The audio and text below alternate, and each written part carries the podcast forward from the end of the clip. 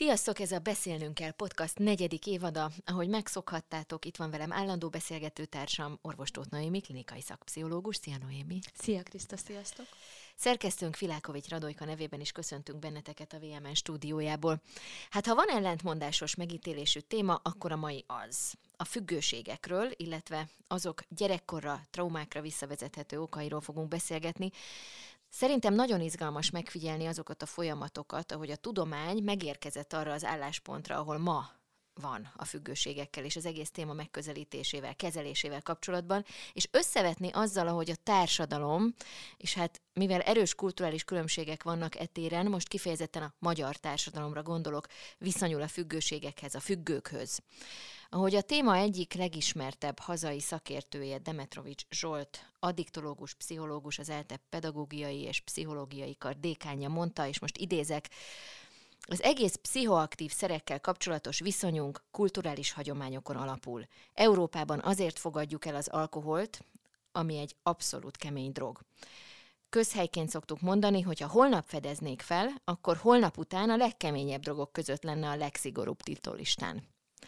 Ebben a műsorban persze nem csak az alkoholról lesz szó, de kezdjük most ezzel, mert szerintem megkerülhetetlen magyar viszony, viszonylatban, hiszen kétségkívül az alkohol a legszélesebb körben elterjedt szerünk itthon, teljesen legális, sőt hagyományosan támogatott, ugye a kultúrában támogatott anyag, gondolhatunk itt irodalmi művekre, zeneszámokra, a kultúránk része. Ha már közhelyek, azt szoktuk mondani, hogy az egymillió alkoholista országa vagyunk, persze vannak különböző tényszerű statisztikák és becslések, de a mutatók tényleg dermesztőek. Sokat iszunk, gyakran iszunk, és nagyon sok töményet iszunk itt Magyarországon, ami egy halálos kombináció. Noémi, te a praxisodban mit tapasztalsz, mit látsz? Én a, a, nem csak a praxisomban, ha, tehát most én magánpraxisban dolgozom, hanem korábban a a pszichiátrián, ahol dolgoztam, ott egyértelműen napi szinten találkoztunk nagyon súlyos alkoholbetegekkel. A praxisomban kevésbé, ott inkább azt látom, hogy, hogy az ivás az az elkezd idővel központi szerepet betölteni az emberek életében, de ezt még valamilyen szinten tudják kontrollálni, koordinálni. Tehát, hogy egészen más beteg populáció jelenik meg mondjuk egy, egy egészségügyi rendszerben, a pszichiátriai ellátásban, mint mondjuk a magánpraxisban.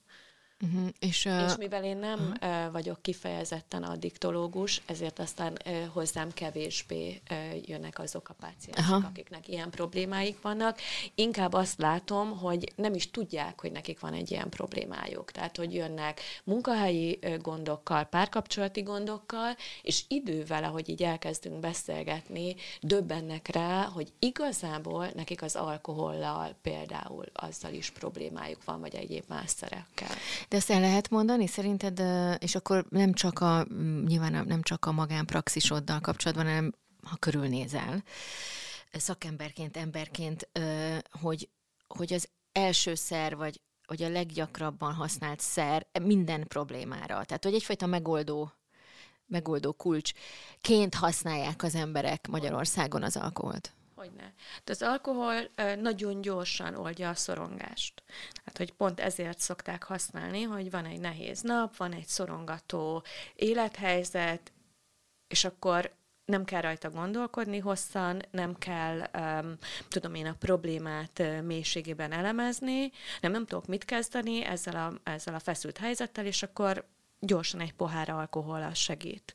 Ö, és mivel az alkohol társadalmilag egy elfogadott szer, hát hogy ez olyan jól néz ki uh, inni, mert aki pálinkát iszik, hát ugye hát az, az, az pláne olyan, ú, hát ez a kisüsti, vagy na, az olyan, mint a hazai étel. Hát akkor a, a magyarok pálinkát isznak, és azt így büszkén töltögetjük is a külföldieknek, hogy hát, hát mi ilyet tudunk, ez a mi nemzet. Identitásunk része. Identitásunk része. De például egy, egy ö, ö, jobb minőségű bor is, hogyha azzal, azzal ö, kocintasz, akkor hát az olyan, olyan elegáns is. Tehát, hogy, hogy magához az alkoholhoz rengeteg ilyen ö, plusz élmény, meg érzés, meg, meg érzelemmel töltött ö, ö, ilyen, ilyen viszonyulás kapcsolódik.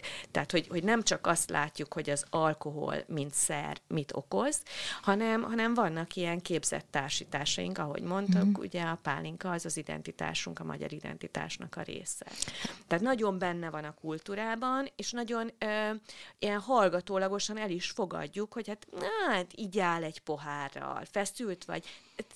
Elképesztő, hogy baráti társaságokban ilyen, ilyen tanácsok hangzanak el. Hát most komolyan, tehát ne, ne feszüljél már, így már egy pohárra, egy kicsit lazuljál le.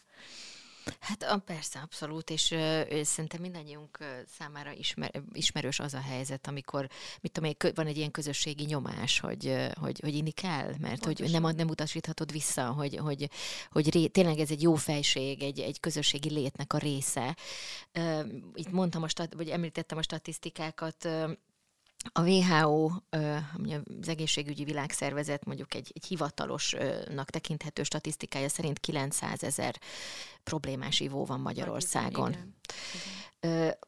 Zaher Gábor, ugye toxikológus, aki szeret nagy számokkal dobályozni, ő másfél millió alkoholista országáról beszél, de azért elég nagy a látencia, ugye, mert pontosan ezért a, a kulturális beágyazottság miatt. Persze, hát nagyon kevesen jelennek meg az egészségügyi ellátórendszerben direkt az alkohol problémájukkal, hogy kérem szépen, nekem ilyen és ilyen problémám van, alkoholista vagyok. Tehát ezen nagyon kevesen kerülnek be az ellátórendszerbe, és nagyon sokáig nem is kerülnek be más problémával se. Tehát, hogy a évekig, akár hosszú évtizedekig is valaki ki tudja kerülni úgy a rendszert, hogy, hogy nem tudunk róla. És, és ő sem vallja be magának, sőt, még a környezet is mondjuk ezt így elnézi, mert hát, hát esténként. Most hát ezzel hát igen, minden este egy pohár bor, vagy, vagy minden este, pohár, igen. Vagy egy üveg. És akkor ez így ö, ö, úgy valahogy így beépül a hétköznapokba. Tehát, hogy ez nem egy olyan probléma, amilyen nagyon látványos lenne, mert mondjuk ö, az, hogy mondjuk elfogyasztasz mondjuk egy este X mennyiségű mm, alkoholt, és attól mondjuk nem tényleg bebódulsz és elalszol, az akkor ott megtörténik, másnap reggel kiózanodsz. De az, hogy ez hosszú távon milyen károkat okoz, az tényleg csak hosszú távon derül ki. És, és nagyon sokan letagadják, hogy ja, ez nem azért volt. Tehát én számtalan olyan esettel találkozom, amikor kívülről teljesen egyértelműen látszik, hogy annak a betegségnek, vagy annak a halálesetnek az okozója az az alkohol volt. Mm. De a család is felmenti és azt mondják, hogy hát daganatos volt, ez volt, az volt, amaz volt, tehát hogy elmaszkolják a tényleges mm. okot, mert sokkal könnyebb azt mondani, hogy valami egyéb más betegségben szenvedett a hozzátartozunk, mint kimondani, hogy hát igen, apám, anyám alkoholista volt. Hát mert nagyon sok a magasan funkcionáló alkoholista, Pontosan. Amiről te is beszélsz, és ráadásul egyébként a számok, számok szerint a Ugye bizonyos időközönként szokták, szoktak ránézni statisztikailag arra, hogy ki mennyit iszik, és akkor vannak ilyen kategóriák, hogy a nagyivók, a mérsékelt ivók, a, és a többi. És a többi egyébként a mérsékelt ivók, a, a nagyivók azok, akik 14 egység, nők 14 egység fölött, férfiaknál ez azt hiszem kétszeres szorzó van, nem, 7 egység 7 fölött egység van. a nő, a nő és 14 a férfi, így van, mert a mérsékelt ivó az az, aki heti rendszerességgel iszik, és 7 egységig, ha nő, és 14 egységig ha férfi, ugye egy egység, az azt hiszem, hogy egy decibor, Igen. vagy valami ilyesmi. Minden esetre, hogy a nagyivók száma az tíz év alatt a duplájára nőtt. Igen, és ez egy aggasztó számadat, tehát hogy, hogy a nagyivók száma a duplájára nőtt, a nők körében is egyre elterjedtebb az ivás, és nagyon sok töményet iszünk, ez a másik, ami, ami szintén egy aggodalomra okot ad, adat. Igen, és hogy a, a, a mérsékelt ivók, azaz a heti rendszerességgel alkoholt fogyasztó nők száma, az megduplázódott. Igen. Ez egyébként a leg, legnagyobb, legerősebb tendenciájú növekedés. Ez szerinted miért lehet? Vagy mi, mi, mi lehet-e mögött? Hogy a nők többet isznak? Én itt, itt is azt gondolom, hogy a feszültségszabályozási, stresszolnási technikákat egyszerűen nem ismerjük, nem sajátítottuk el. Egyre nő a teher az egyén vállán, és egészen biztosan ebben közrejátszik az is, hogy bár a nőknél azért azért még mindig azt látom, hogy a, bocsánat, a zugivás az uh-huh. még mindig gyakoribb, de hogy egyre inkább elfogadott az, hogy, hogy a nők is ö, isznak mondjuk társaságban. És hát ez olyan, hogy, hogy, hogy mint, mint egy lavina így elindul, és akkor na még egy pohárral, na még egy pohárral, és, és ahogy mondtam, hát ez olyan, olyan elegáns, koktélozni, még akkor is, hogyha az egy ilyen nagyon ütős koktél, vagy borozgatni, és már, már már nincs is az a visszatartó ereje, vagy egyre kevésbé, hogy hát azért nőnek ezt nem illik. Uh-huh. Ö, nem akarok a Covid-on sokat lovagolni, de hát megkerülhetetlen tényleg szinte minden nem. témában. Most Persze. már annál is inkább, hogy itt számszerűsíthető az, hogy, hogy, hogy mekkorát ugrott az alkohol, meg a szerhasználat. Uh, ugye az állandósult igen, krónikus 80 krízis helyzetünkben. Nem el, hogy, hogy jön egy krízis, jön egy stressz helyzet, és akkor itt mutatkozik meg, hogy mennyire nem tudunk bánni a stresszünkkel, mert azonnal mi, miután nyúlunk, az alkohol után. Az a legkönnyebben elérhető. Legális, ugye? Legális, és, és már nyúl, nyúlnak is az emberek, és azonnal rendelik, és veszik, és telepakolják a, a kosarakat. És erről eszembe jut egy páciensem így a kosarak telepakolásáról, ahogy így elmondta nekem, hogy e, szintén magasan funkcionáló alkoholista szülők gyereke volt, amit ő akkor nem tudott. Ő csak azt tudta, hogy milyen ciki, amikor az ő orvos apukája és orvos anyukája tolja a bevásárlók központban, vagy a mm, szupermarketben a kocsit, és így emlékszik arra, ahogy összekoccan. Ah, csörögnek az, az üvegek. üvegek. Igen. És hogy ő ezt akkor igazából nem is tudta, hogy ott mit hal, csak hogy ez mindig egy ilyen szorongató érzés volt, és felnőttként a terápiájába fejtettük fel, hogy mennyi elakadásának a hátterében ez állt. Hogy egyszer volt egy ilyen megszégyenülési helyzet ott a nyilvánosság előtt, mert hogy pakolni a szalagra azt a sok-sok italt, hmm. és egyáltalán így végignézni azt, ahogy, ahogy húzzák le egyik üveget a másik után, és, és ez hétről hétre megismétlődött. Másrészt meg nyilván a, a bebódult szülőkkel mm, való együttélés napról napra, hétről hétre, az, a, az súlyos traumákat okozott az életében. Hát amúgy a, ugye a függők gyerekeinek helyzete az egy minősített eset, hogyha, hogyha a, a szenvedélybetegségeknek a gyerekkori traumákra visszavezethető okairól beszélünk, nem feltétlenül kellenek szenvedélybeteg szülők ahhoz, hogy az ember szerekhez nyúljon, er, erről is erről fogunk ma beszélgetni, de az egy picit akkor, hogyha már ezt felhoztad, akkor álljunk meg ennél a kérdésnél. Ugye a statisztikák szerint a, a szenvedélybeteg szülők az abszolút egy haj, hajlamosítható tényező, 30%-a ezeknek a szülőknek ezeknek a gyerekeknek maga is függővé válik. Tehát nem tudom, hogy például a, az üvegcsörgős páciensednek milyen volt a viszonya az alkoholhoz, ö... vagy bármilyen szerhez. Neki igazából ö, az étellel lett egy ilyen nagyon Milyen érdekes. viszonya. Tehát, hogy neki az, Tehát ott volt egy függőségi viszony. Egy függőségi viszony, tehát nagyon súlyosan, túlsúlyos volt, és és, és ott jelentkezett ez. Tehát az is egy nagyon komoly függőség volt, ugyanúgy jött a sóvárgás, mm. ugyanúgy nem tudott ellenállni, utána jött a bűntudat, amikor egy ilyen nagy zabálásokban mm. csúszott bele így éjszakánként. Igen. Igen, milyen érdekes, hogy, a, hogy ez, a, ez a hajlam ez, ez, ez utat tör, vagy hogy hogy keres magának utat, és hogy végül miben manifestálódik, hogy nem feltétlenül ugyanaz a szer. Igen, csak arcot vált a függőség, ezt szoktuk mondani. Arcot vált a függőség, milyen jó szó, vagy kifejezés ez. Um, beszéljünk arról, hogy mi, miről beszélünk, hogy ugye nem, nem csak az alkoholról, hanem a függőségről, a szenvedélybetegségről magáról, annak hátteréről, megítéléséről, és egyáltalán a fogalomról, mint betegségről. Én készülvén mára azt láttam, hogy vannak a függőségnek hivatalos definíciói, ugye ilyen orvosi, pszichiátriai társaság, ilyen-olyan, és vannak az egyes a témával foglalkozó szakemberek, Demetrovics Tomáté Gáborig, saját meghatározásaik is. Hozzád melyik áll a legközelebb? Mi a függőség? Az én értelmezésemben a függőség az az állapot, amikor egy külső szer veszi át az irányítást a viselkedésünk felett, és már nem tudjuk kontrollálni a viselkedésünket. Tehát, hogy már nem tudok nemet mondani, mert, a, mert az alkohol, vagy a drog, vagy a mm, egyéb más szer, akár az étel mondja az igent, és az én nemem az már, az már mm. meg sem hallatszik, már nincsen jelen, mert, mert az a szer az annyira eluralkodik fölöttem. Ez a függőség, amikor, amikor belecsúszol egy olyan állapotba, ahol így, így felteszed a kezed, mert nem tudod kontrollálni a helyzetet. Uh, ugye itt már érintetted a motiváció kérdését, és szerintem nagyon fontos, hogy beszéljünk arról, hogy, hogy nem feltétlenül azzal van baj, ha az ember megiszik egy, este egy pohár bort, hogy mitől, mi, mikortól számít valaki függőnek vagy szenvedélybetegnek, és mi határozza ezt meg, illetve hogy nyilván ez nem, tehát hogy én, én, én azt látom a szakirodalomban, meg beszélgetve szakemberekkel, hogy ez nem feltétlenül nem feltétlenül van erre egy ilyen, egy olyan szabály, ami, tehát hogy ez egy nagyon egyénfüggő dolog.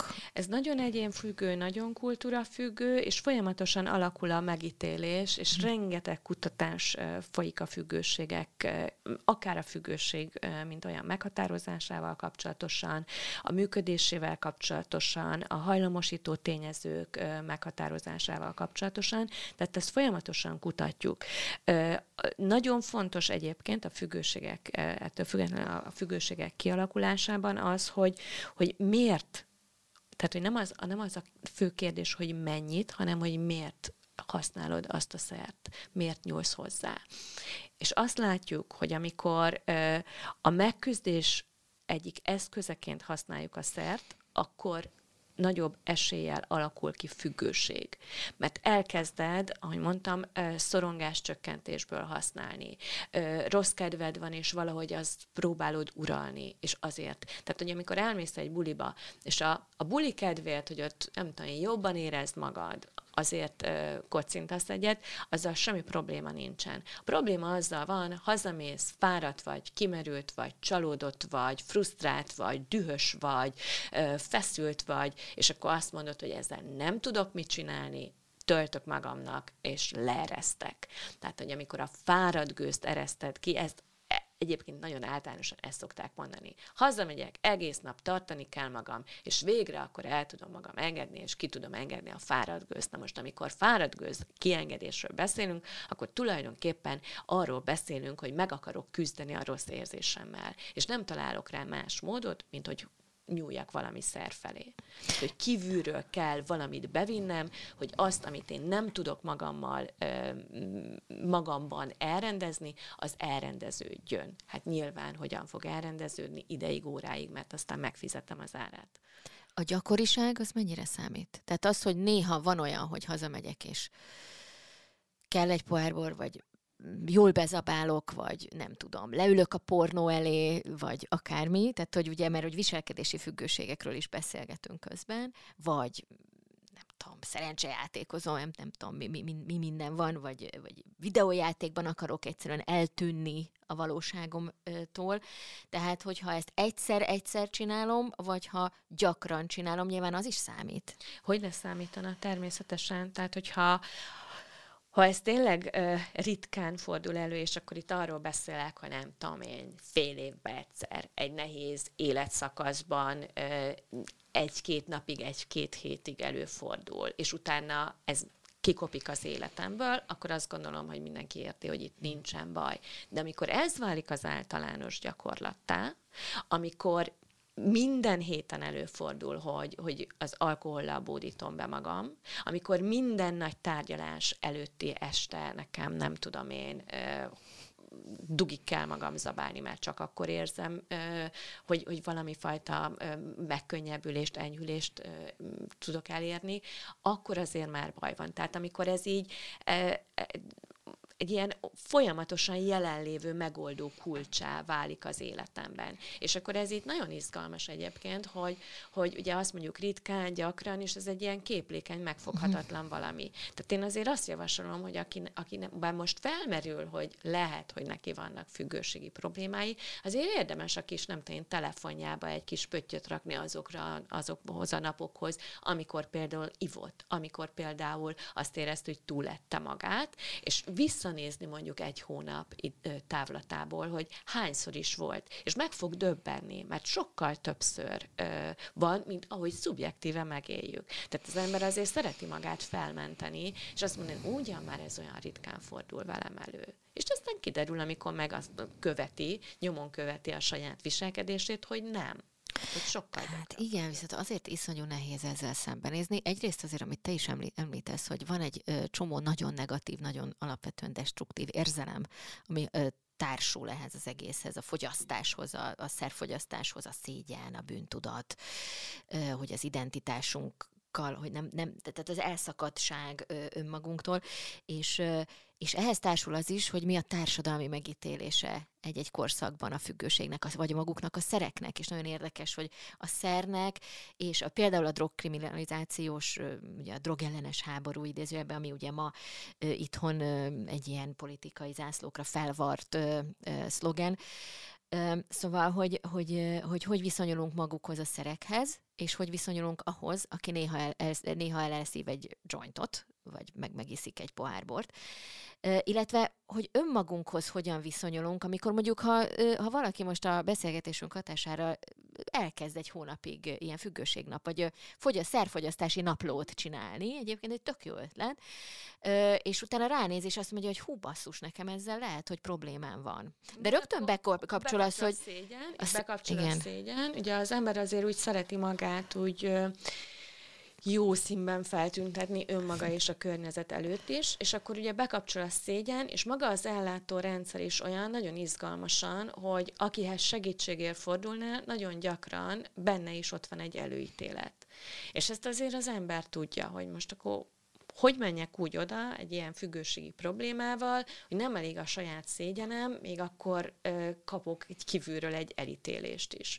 Mert hogy egyébként ö, egy keményen ítélkező nép is vagyunk, ö, ahelyett, hogy belátnánk. Tehát valahol megmaradtunk így a, a, a morális ítélkezésben, így a függőségek vagy az alkoholbetegség kapcsán, és nehezen fogadjuk el, hogy, hogy e, ez egyébként egy betegség, hanem jellemgyengeségnek gondoljuk még mindig, miközben ez egy nagyon nagyon-nagyon régen meghaladott elképzelés. Ez a múlt század elején még lehetett azt mondani, hogy aki iszik, az jellemgyenge, az egy, az egy, ez egy gyenge disznó, vagy nem tudom én, milyen jelzőket lehetett. Az Akarat gyenge. Akarat gyenge disznó, és akkor még mindig hajlamosak vagyunk ezt gondolni, és nehezen látjuk át, tehát hogy nagyon izgalmas, hogy, hogy annak ellenére, hogy a racionális tudás birtokában van mondjuk nagyon sok ember, és tisztában van azzal, hogy itt mi történik az agyban, és miért, és Máté Gábor könyvét már háromszor kiolvasta, ha ott van valaki mondjuk a családjában, akkor még mind, aki mondjuk függő, még mindig az a kérdés, hogy de hát miért nem tudja megállni? Mert ha igazán szeretne minket, akkor meg tudná állni. Tehát, hogy van egy ilyen kettős könyvelés az emberekben, hogy, hogy tudom, hogy ez micsoda, elfogadom, ö, nagyon felvilágosult vagyok már a témával kapcsolatosan, de amikor valami hozzám közel jön, akkor pedig mégis ítélkezem meg, meg a, meg a sértettségem, meg a megbántottságom, meg a, meg a sebesültségeim és hiányaim ö, hangosodnak fel, és, és abból reagálok ö, az hm. én alkoholista hozzátartozomra adott esetben. Demetrovics Zsolt erre azt hiszem, hogy azt mondja, vagy ő, vagy a kapitány Fővegy Máté, akiről még szintén fogunk itt beszélni, vagy az ő munkásságáról, szóval, hogy, hogy azt mondja, hogy, hogy amikor a szerről van szó, vagy a szenvedélybetegségről van szó, akkor elveszítjük az eszünket, amikor ennek a meg, meg, megítéléséről van szó. Tehát, hogy nem tudunk igen, igen, persze, mert jól reagálni. teljesen más, hogy racionálisan mit tudok, meg egészen más, amikor benne vagyok egy érzelmileg telített helyzetbe. Akkor sajnos lekapcsolódom a, mhm. az egyébkénti tudásomról, és, és maradnak ezek a nagyon zsigeri öm, működések. És egyébként annak is egyre növekvő szakirodalma van, hogy, és akkor most térjünk is át arra, hogy hol van a gyökere annak, amiről beszélünk. Hogy hol mindenhol lehet, de hogy, hogy egyre nagyobb a szakirodalma annak, hogy a kisgyerekkori traumákban keresendő ö, annak a kohója, mondjuk így, vagy gyökere, ami, ami, amit most látunk függőségek, szerhasználat, szenvedélybetegségek kapcsán. Ö, ugye ez, ez egy viszonylag új területe a, a ti kutatásaitoknak, a te szakterületet kutat, a pszichológia, pszichiátria kutatásának. Ki mit mond erről, meg hogy hol tartunk itt ezekben a felismerésekben? Néhány évtizede jöttünk rá arra, hogy mi minden fontos dolog történik a gyerekkorban. Tényleg szóval, hogy az előző évszázad azzal telt, hogy, hogy így rádöbbentünk arra, hogy a, a gyerekkor az, az, az alapvetően meghatározza akár az egész életünket. Gyerekkorban kellene, hogy kialakuljanak azok az idegi hálózatok az agyban, amik segítenek nekünk abban, hogy a hangulatunkat, az érzelmeinket megfelelően tudjuk szabályozni. Tehát, hogyha például feszült vagyok, akkor képes legyek kibírni azt a feszültséget, és lehozni magam arról a magas feszültségi szintről. De ahhoz, hogy ez meg tudjon történni, ahhoz nagyon sok ö, tapasztalati élményre van szükségem. Tehát, hogy a, a, azt nem győzöm hangoztatni, hogy, hogy és elmondani újra és újra, mert ez is egy olyan dolog, hogy hiába tudjuk racionálisan, nagyon nehezen csúszik be a, a mély tudásunk szintjére az, hogy a gyerek egy éretlen idegrendszerrel születik. Nem tudja szabályozni a saját feszültségeit, kell neki a szülő, aki képes a, a, a arra, hogy ezeket a szabályozó funkciókat ellássa. És az agy az kapcsolatban fejlődik. Kapcsolatok segítségével alakul és építi ki a saját idegpálya hálózatait. És hogyha gyerekkorban elmarad ez a, ez a segítség, hogy a szülő nem tudja ellátni ezt a nagyon-nagyon fontos és alapvető funkcióját, hogy megtanítja a gyereknek, és ez nem ilyen frontális tanítás, hogy már pedig akkor kisfiam, kislányom szabályozd az érzéseidet, hanem egyszerűen mintát ad, türelmet ad, higgadságot ad, amikor a gyerekből mindez hiányzik, akkor szépen a gyerekben elkezdenek a kis ideg pályák így, így kialakulni, mint amikor autópályát építünk, ezt úgy kell elképzelni, hogy ott is meg kell építeni ezeket az útvonalakat, hogy később tudjuk ezeket használni. És egy olyan családban, ami, és akkor kezdjük, akár mondjuk magzati kortól kezdődően, hogy egy, egy anya egy hatalmas feszültségben él, a, a szervezetében megállás nélkül kering az adrenalin, a kortizol, az már eleve hatással lesz a baba agyának a, a fejlődésére, hogy strukturálisan és funkcionálisan hogyan fog fejlődni és működni az ő kis idegrendszere. Tehát ott, már ott lehet az anyai stressz következtében egy elcsúszás. De ugyanígy az anyai szerhasználat, az már ö, olyan károkat tud okozni a magzatnak az idegrendszerében, ami később nagyon nehezen hozható, ha egyáltalán valamilyen szinten helyrehozhatóvá válik. Tehát, hogy ez is egy nagyon fontos dolog, hogy ezzel is tisztában legyünk, hogy, hogy hogy, hogy a várandóság idején nem lehet, nem lehet stressz csökkenteni alkohollal, mert az hatni fog a babára. De ugyanígy a szülés utáni időszak, hogy, hogy milyen körülményeket teremtünk annak a gyereknek, mennyire tudjuk az ő szükségleteit figyelembe venni, az már meghatározza, hogy később mi lesz vele.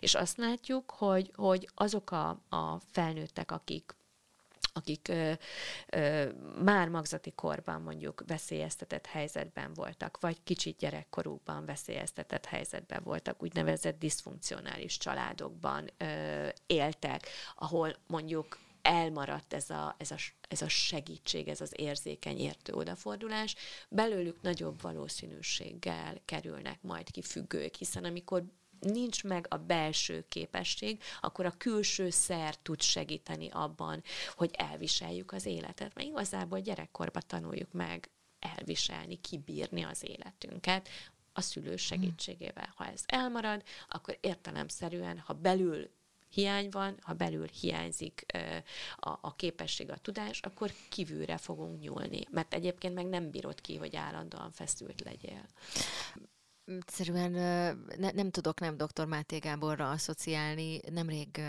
vittem el magammal a műsorban, és az elviszlek magammalban, és és ennek kapcsán sokat gondolkoztam azon, hogy vajon miért éppen belőle lett a, e, ennek a, a gyerekkori traumák és függőségek kapcsolatának egy ilyen, egy ilyen tényleg világszerte, világsztárja ennek a kutatási területnek.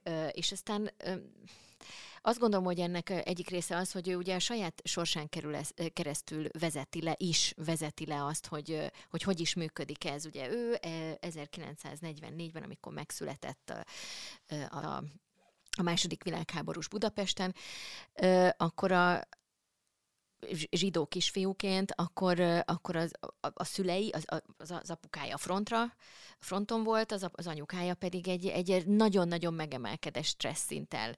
Nem tudott gyakorlatilag érzelmileg elérhető lenni, érzelmileg jelen lenni, és ő, ő meséli Máté Gábor azt a könyveiben is, és a róla szóló dokumentumfilmben is, hogy, hogy, hogy az egy hónapos gyerekkel a gyerekorvoshoz fordult az anyukája, hogy hát sír a Gáborka. Miért sír a Gáborka? Egyfolytában sír. És akkor erre azt mondta a gyerek, a gyerekorvos, hogy minden zsidó kis, kisgyerek sír. Minden zsidó kisbaba sír. Hiszen a gyerek átveszi azt a, a környezeti ö, érzelmi közeget, amiben cseperedik. Ez egy, ez egy a mai napig élő tévedés, hogy a gyerek nem érzi, ha nem látja, nem beszélünk neki, nem mutatjuk meg neki, akkor fogalma sincs arról, hogy mi mi megyünk keresztül, és ez egy mélységesen nagy tévedés. A gyerek mindent érzékel, de egyszerűen letapogatja a, a szülőnek az érzelmi állapotát, a hangulatát, letapogatja a tudattalan viszonyulásait. Tehát nagyon sokszor a szülő nem is tudja megfogalmazni, hogy, hogy mi zajlik benne. És a gyerekem meglátod, hogy feszült, és akkor rájössz, hogy hát azért feszült, mert a szülőben van valami, ami számára sem tudatosult. Hát ezekben az é- e, helyzetekben, meg amiről meséltél a, a, a Máté Gábornak a gyerekkorában, ott, ott meg teljesen egyértelmű volt, hogy egy életfenyegetettségben ö, éltek ezek a családok, ö, ezek az anyukák, ezek a, ezek a, a emberek ott a gyerekek között, között, amit a kicsik ére, érzékeltek, és kialakult egy olyan ö, túltelítettség a stresszhormonokkal, ami akadályozta, hogy kialakuljanak az önmegnyugtató pályák, és hát egészen egyértelműen idegrendszeri változásokat mm. okozott ilyen mértékű stressz. És aztán ő erről, ugye, ahogy ment előre a, pályáján, egyszer csak elkezdte a pontokat összekötni a saját függősége. Ugye munkafüggő. Munkafüggő, pozitív visszajelzés függő, azért amikor azt kérdezett, hogy miért belőle lett mm. egy ilyen világsztár, hát akinek annyira nagyon fontos a megerősítés, ő teperni fog a megerősítésért, mindent meg fog tenni annak érdekében, hogy az ő vállát naponta többször is megveregessék, hiszen ez adja a, a, az önértékelést, mert hogy belül hiányzik. Hát meg még az hiányzik belőle, ő is azt mondja, hogy, hogy hogy szükség legyen rá, mert hogy az ő megélése babaként az volt, hogy ő, hogy ő az oka igen. ugye a, a, a szüleinek, mert amikor, tehát hogy ő az oka a szülei ö, nehézségeinek, igen. És ezért lett orvos. Így van. Hogy szükség legyen rá. Így van. Ö, Ugye ezt tudjuk, hogy a segítő szakmában mindaddig, amíg az ember meg nem dolgozza, jelentősen jelen van ez a, ez a motiváció, hogy miközben segítek, közben megélem azt, a, azt az örömet is, vagy azt a pozitív élményt, hogy igen, szükség van rám, én tudom megoldani, hozzám fordulnak. Tehát ez egy ilyen ego boostot is jelent, mm. és ez egyébként a mondjuk a pszichológusi önismereti utazásnak egy nagyon fontos részét képezi, hogy ezt megdolgozzuk, hogy, hogy ne akarjak olyan helyzeteket generálni, amikor folyamatosan ö, szükség legyen rám, mert akkor, akkor akár egy terápiát is félre tudok vinni azzal, hogy, hogy mondjuk bent tartok valakit a terápiában, mert, mert ő jön hétről hétre, és hétről hétre hoz nekem egy ilyen érzelmi kielégülést, hogy hát én kellek neki. Mm-hmm. Tehát, hogy, hogy ez egy nagyon fontos fejlődés si mérföldkő, amikor az ember már ezen így túllép, lehetőség szerint nyilván a szakmája elején. Kell Neked volt ilyen? Ez a, ez a fajta, tehát fel tudod idézni, amikor neked megtörtént ez a túllépés? Tudom, hogy volt, csak hogy mikor?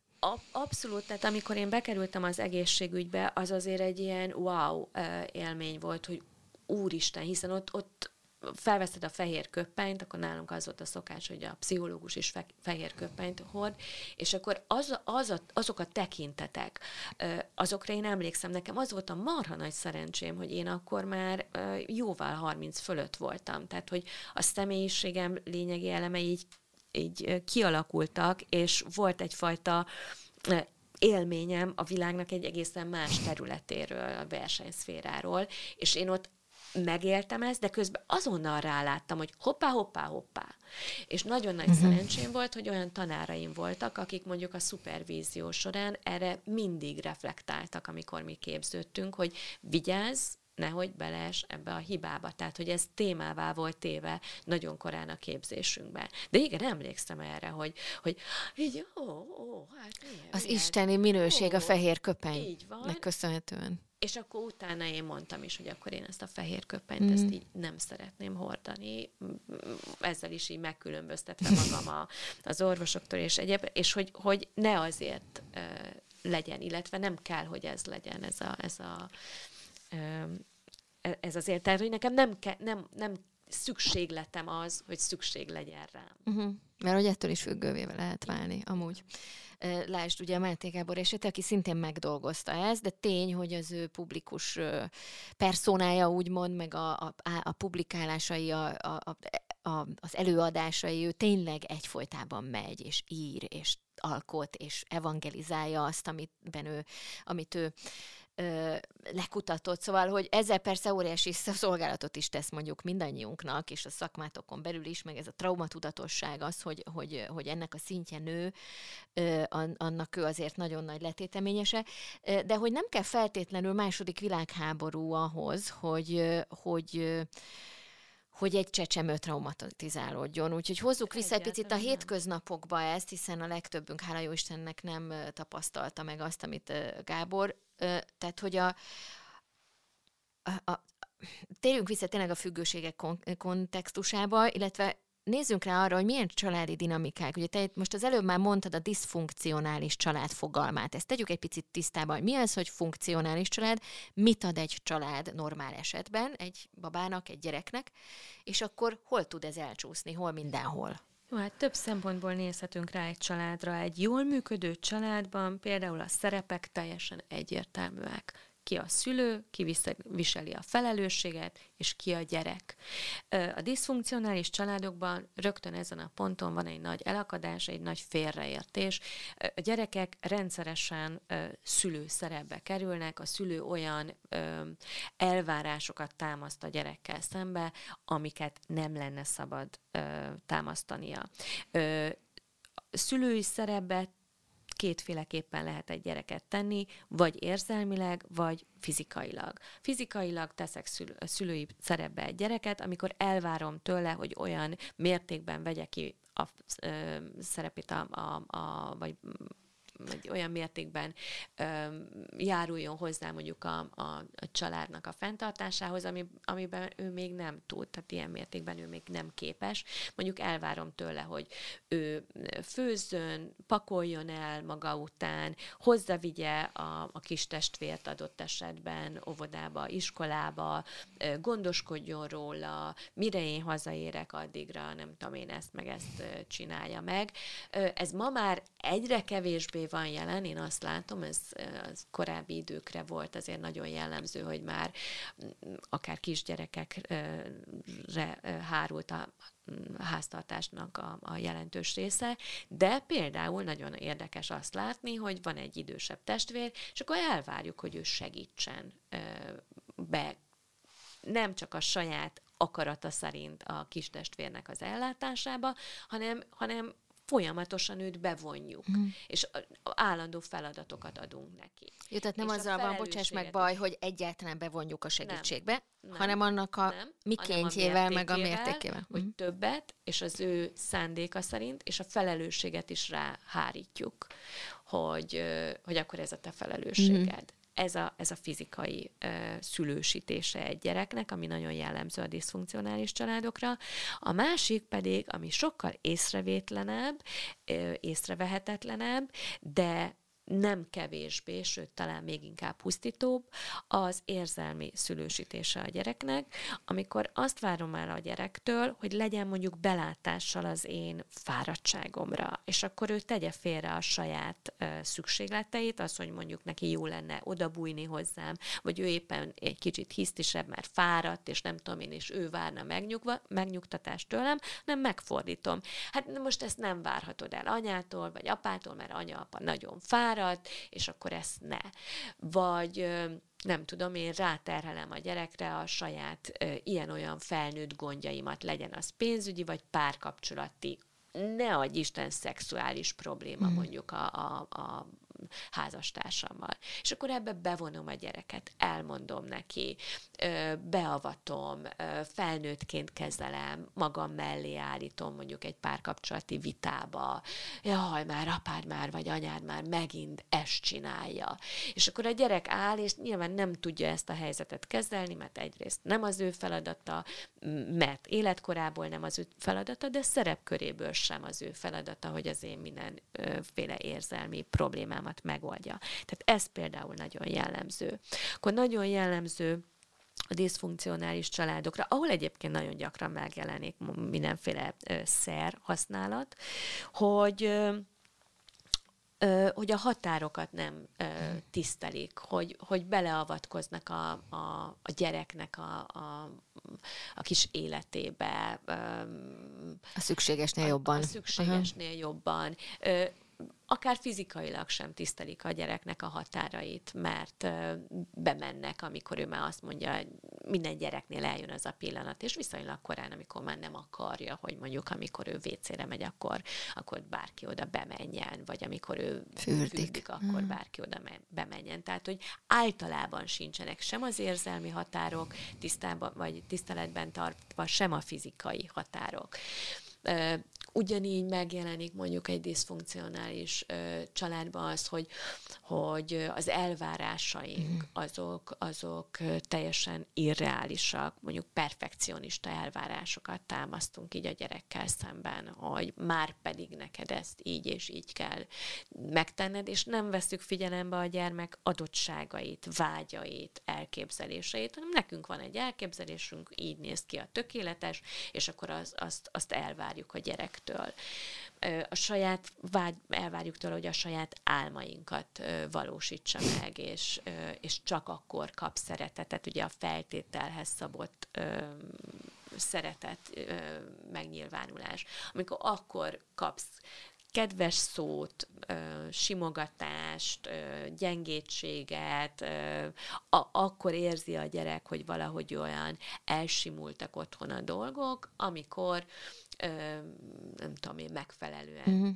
teljesít. A szülő, uh-huh. szülő szemében meg elvárható módon viselkedik. Mi a helyzet a, azokkal a szülőkkel, akik... Bocsánat, és akkor itt igen, ez igen, egy fontos, fontos dolog, hogy ebben a millióben van egy folyamatos stressz, mert uh-huh. bizonytalanság uralkodik a biztonság helyett, mert rettegés van a megnyugvás helyett.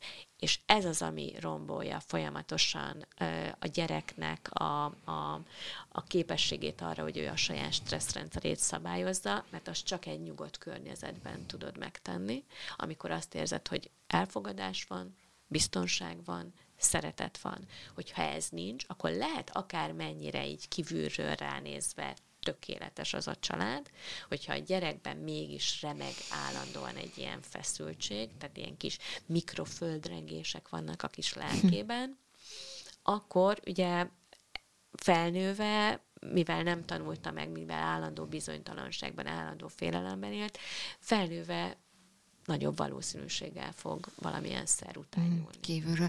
Ugye erre mondja azt a, a Máté Gábor, hogy hogy ugye két alap, a túléléshez két alapszükséglete van a gyereknek. Egyrészt, hogy kötődni tudjon, másrészt meg, hogy autentikus legyen, tehát önmaga, önmagával egy legyen, ne szakadjon szét, és hogy annyira meg akarunk felelni, annyira kötődni akarunk a szüleinkhez, hogy a saját autentikusságunk szakad szét, mert hogy azt adjuk fel, és hogy van egy ilyen feloldhatatlan, ezekben a helyzetekben, ezekben a családokban, van egy ilyen feloldhatatlan ellentét, hogy valaminek valamiről le kell mondani, Nyilván ezek nem tudatos folyamatok. Persze. A másik annak érdekében, hogy szeressenek, mert hogy az, az mindent felülír. És ott szakadunk el egymástól, és ez az az elszakadottság, ami a traumát okozza, és Igen. ez az, ami a függőségbe visz, mert hogy a Gábornak a páciens, ő azt mondja, hogy az ő függő, orvosként az ő függő páciensei egytől egyik traumatizált gyerekek voltak. Ö, igen, ez egészen biztos. És ezt már nagyon régen már Donald Winnicott is kimondta, és tényleg a, az analitikus, ö, sőt a fejlődés pszichológusok már, már nagyon-nagyon mm. régen erről beszélnek, hogy, hogy két feladatunk van. Az egyik az, hogy, hogy megtaláljuk önmagunkat, a másik feladatunk pedig, hogy önmagunkhoz jól kapcsolódjunk, a másik pedig, hogy másokhoz jól kapcsolódjunk. És Donald Winnicott azt mondta, hogy ha nem sikerül ö, jól kapcsolódni másokhoz, akkor kialakultunk egy úgynevezett hamis szelfet. Uh, egyszerűen önmagunk a saját magénünk védelmében, mivel az nem talál elfogadásra, elkezdünk egy ilyen torz ént kialakítani, egy ilyen megfelelésekből ö, kialakított ilyen vala, valamit, ami nagyon távol van már önmagunktól. Tehát amikor lemondunk a belső zsigeri vágyainkról, érzéseinkről, amikor eltagadjuk azt, ami nagyon mélyen bennünk zajlik, és betorzítjuk magunkat az elvárások keretrendszerébe. És amikor arról beszélünk, hogy elvárások, akkor mindenkinek én azt látom, hogy ugye a fejébe ilyen konkrét, már pedig jónak kell lenne, tehát ilyen kimondott elvárás listák jelennek meg, és közben elvárni valamit a másik embertől, azt legtöbb esetben kimondatlanul tesszük, mm. és nagyon gyakran saját magunk számára sem tudatosan. Tehát, hogy ez azért nagyon nehéz, ez az egész, ennek az egésznek a tettenérése és aztán a gyógyítása egy családban, mert nem látható. Mert a szülő mit mond? Hát én csak a leg, legjobbat akarom a gyerekemnek. A legtöbb szülő ezt mondja. Nagyon ritkán hallok olyat, hogy azt mondja a szülő, hogy hát én szültem egy gyereket, én egyszerűen ki akarok vele cseszni ebben az életben, nem mondanak a szülők. Azt mondják, hogy embert akarok belőle faragni. Sikeres, és azt szeretném, hogyha sikeres lenne, hogyha kevesebbet szenvedne az életben, mint én. De hogy egyébként ennek érdekében mit tesz, és ezt hogyan teszi, arra nagyon kevés rálátás van, mert, mert, mert nem tudja tetten érni azokat a kis... Tehát, pácienseimtől hallom azt, hogy, hogy ők onnan tudták, hogy jól vagy rosszul cselekednek, hogy a szülőnek a hangszíne megváltozott. Hm. Tehát, hogy pontosan tudták, hogy mi, mikor jön a lágy hangszín, és de hogy ez is ilyen zsigerileg, egy ilyen fajta ilyen intuitív tudás volt ez bennük, és nem egy racionális tudás, tehát ezen ők nekik, nekik nem kellett gondolkodniuk, hanem egyszerűen megvolt az, hogy így a kis csápjaikkal letapogatták. Aha, hogyha ilyen nagyon kedves, nagyon visszafogott, nagyon kevéssé problémás gyerek vagyok, na akkor jön az az ellágyult hang.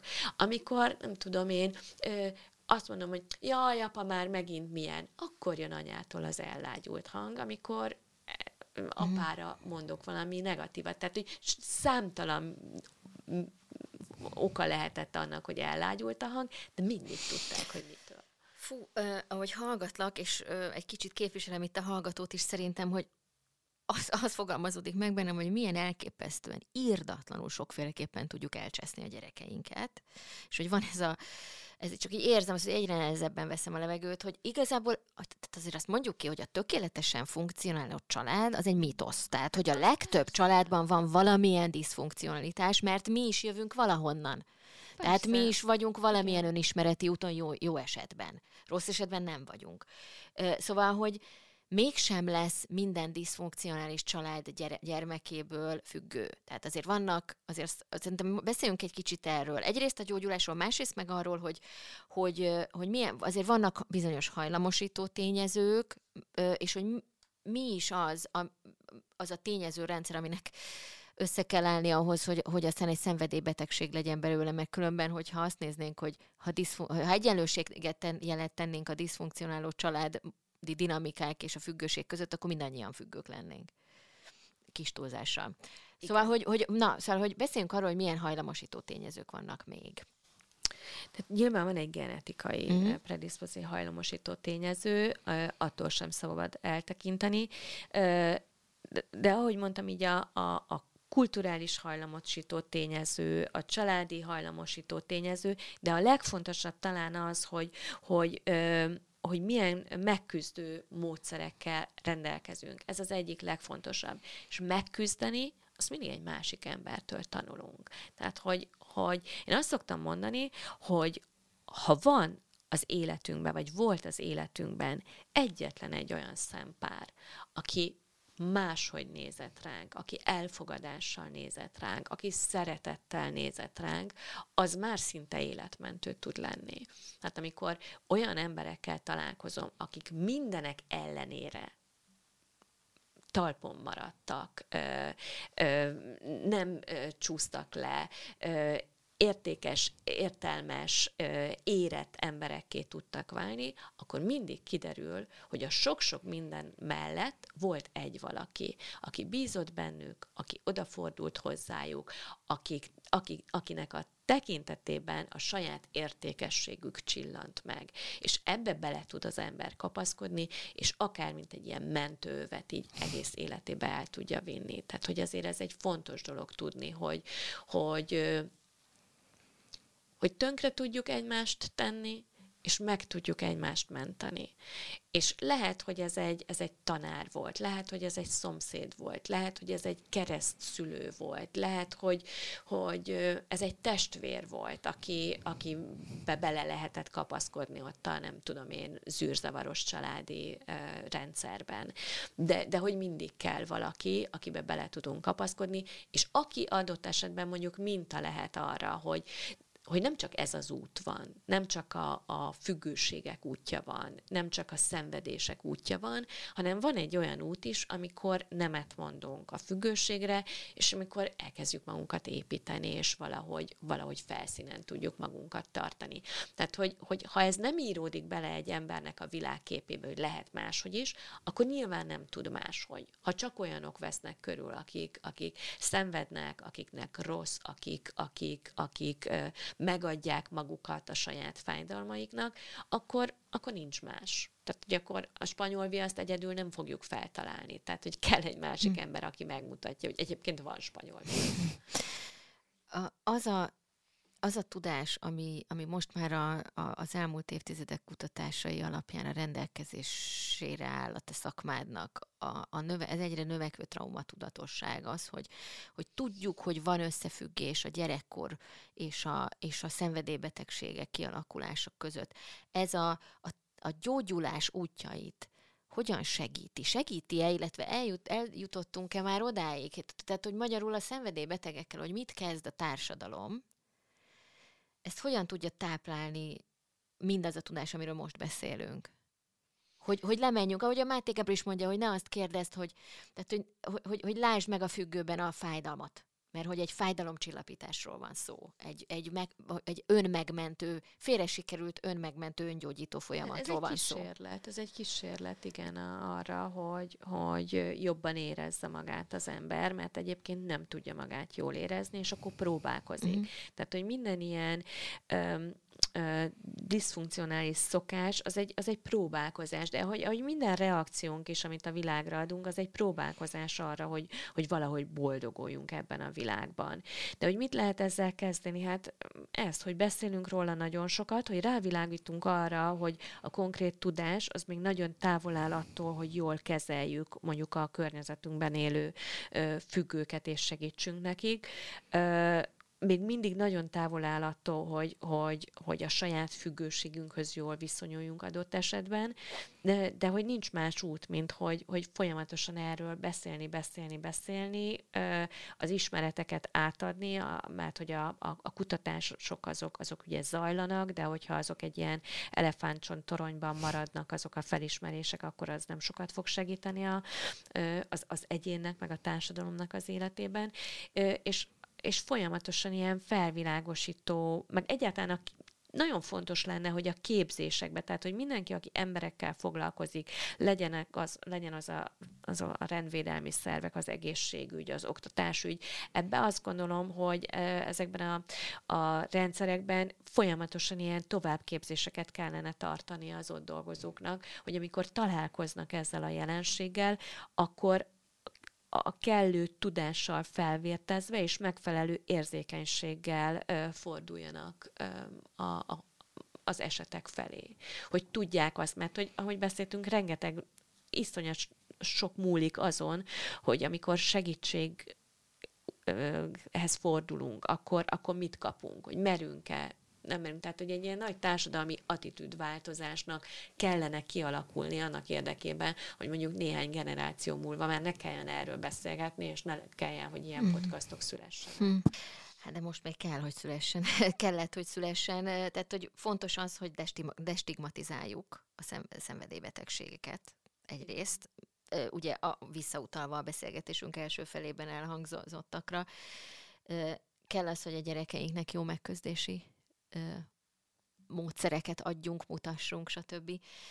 Kell, a, kell az, hogy traumatudatosabbá neveljük a, a, a rendszert, az egész rendszert, az a minden, mindenki és mindenkit, aki a rendszer része, és kell-e a szenvedélybetegeknek a, a szándéka? Mert ugye az egy, az egy azt egy ilyen alapvetésnek vettük sokáig, hogy te is kell lesz hozzá, kell az, hogy te le akarsz szokni. Ez egy, ilyen, ez egy nagy mondás, hogy hát nélküled ez nem fog menni. Azért a szenvedélybetegségekben, tehát mire ugye az kialakul, addigra ugye mi rögződik az emberbe? Egyfajta tanult tehetetlenség. Nem tudok ezzel a feszültséggel mit kezdeni, csak az alkohol tud vele mit kezdeni. Én nem. Tehát, hogy azért ezt át kell írni, és ez nem biztos, hogy rögtön az elején megjelenik. Tehát, hogy ez is egy ilyen ö, folyamat, míg maga a szenvedélybeteg eljut odáig, hogy ő ö, mer tud, akar segítséget kérni. Tehát azt nem várhatom egy olyan embertől, aki aki egész életében valami külső szertől függött, hogy ő aztán felismeri, hogy ezért hogy ő is tehet valamit. Hiszen azért nyúl a szerhez, mert már tudja, hogy nem tud mit csinálni. Tehát, hogy ez a neked is akarni kell, persze egy idő után igen, de van, hogy az első lépés ennek az akarásnak a, a, a megteremtése, előcsalogatása a, a szenvedélybetegből. Nem biztos, hogy ő az elején akarni fogja, egyáltalán nem. És nem azért, mert nem szereti a családját, mert nem szeretne máshogy élni, mert, mert, mert. Tehát, hogy a, a változásra való motivációt is az az első lépés, hogy azt felébreszteni hmm. az egyénben. És ez ne, egyáltalán nem egyszerű. És hát a... Ö, és mindezt az új tudást felhasználva párhuzamosan kell gondolom folyni a, a, a leszoktatásnak a része kell, hogy legyen a, az, hogy feltárjuk annak az egésznek a gyökerét. A miért fáj? Mi fáj? Tudod, az, Kérdésre a választ megkeresni. A, a, a legtöbb szenvedélybeteg ugye egyrészt elítéli magát, tehát szégyeli magát, bűntudata van, elítéli a társadalom, és az, az, az első nagy ilyen ö, áttörést azt szokta hozni, amikor megérzi a, a szenvedélybeteg, hogy, hogy ö, itt most nem ítélik el, hmm. hanem látható lesz a szenvedély betegségén túl is. Mert nagyon gyakran ugye az van, hogy, hogy a szenvedély beteg előtt ott van ez a, ez a maszk, a szenvedélybetegségnek a maszkja, ő, mindenki azt látja, mindenki arra reagál, és ő sem látja már igazán magát. És amikor emögé kezdesz látni, és életében először egy érző szenvedő emberként viszonyulnak hozzá, az szokta okozni a hatalmas nagy áttörést, és akkor, mivel a te viszonyod megváltozik hozzá, akkor kezd el benne is egy másik viszony kialakulni önmagához. És minden ezen múlik, hogy tudok-e mást látni abban az emberben, és hozzá tudom-e segíteni őt, hogy ne azt a, azt a szenvedélybeteg mm. ényét lássa kizárólag, hanem mellette megjelenjen adott esetben az a traumatizált kisgyermek énje, aki próbálkozik, aki küzd, aki keresi a, a megoldásokat, és nem találja, és ezért nyúl a szerhez, de egyébként ne, a, ne a, az alkoholizmusát, ne a, a drogfüggőségét célozzuk meg, hanem a fájdalmát, hogy őt nem szerették, hogy őt nem fogadták el, hogy őt nem hallották, hogy őt nem látták, mert végső soron semmi más nem akarunk ebben a világban, mint azt, hogy meghalljanak, és meglássanak minket, hallják azt, ami bennünk van, és lássák azt, akik mi vagyunk. Ezt akarjuk mindannyian. És hogyha ha így kezdjük el megközelíteni ezeket a, a betegségeket, szerintem az, az jelenti majd egyén és, és közösség szintjén is az áttörést. Noémi, nagyon szépen köszönöm. Nektek pedig köszönjük a figyelmet, és itt ragadom meg az alkalmat, hogy, hogy röviden ajánljam a VMN többi szuper podcastját is. Csepei Adrián Popfilter című műsorát is hallgassátok, ha van még egy kis időtök, ahol izgalmas popkulturális szereplőket ismerhettek meg. Pásztori Dóri és férje Ferenci Márton gasztronómia témában indított nálunk nemrég podcastot Emelem Poharam címmel, ezt is ajánlom a téma iránt érdeklődnek, érdeklődőknek, illetve ott van a VMN csapat Minden Bele című podcastja, ahol ugye a legmegosztóbb, legizgalmasabb témákat tárgyaljuk végig mi a VMN alkotói, illetve külső vendégeink, és természetesen lesz beszélnünk kell is a jövő héten is. Köszönöm a figyelmeteket, jövő csütörtökön újra jövünk egy szuper témával. Sziasztok! Sziasztok!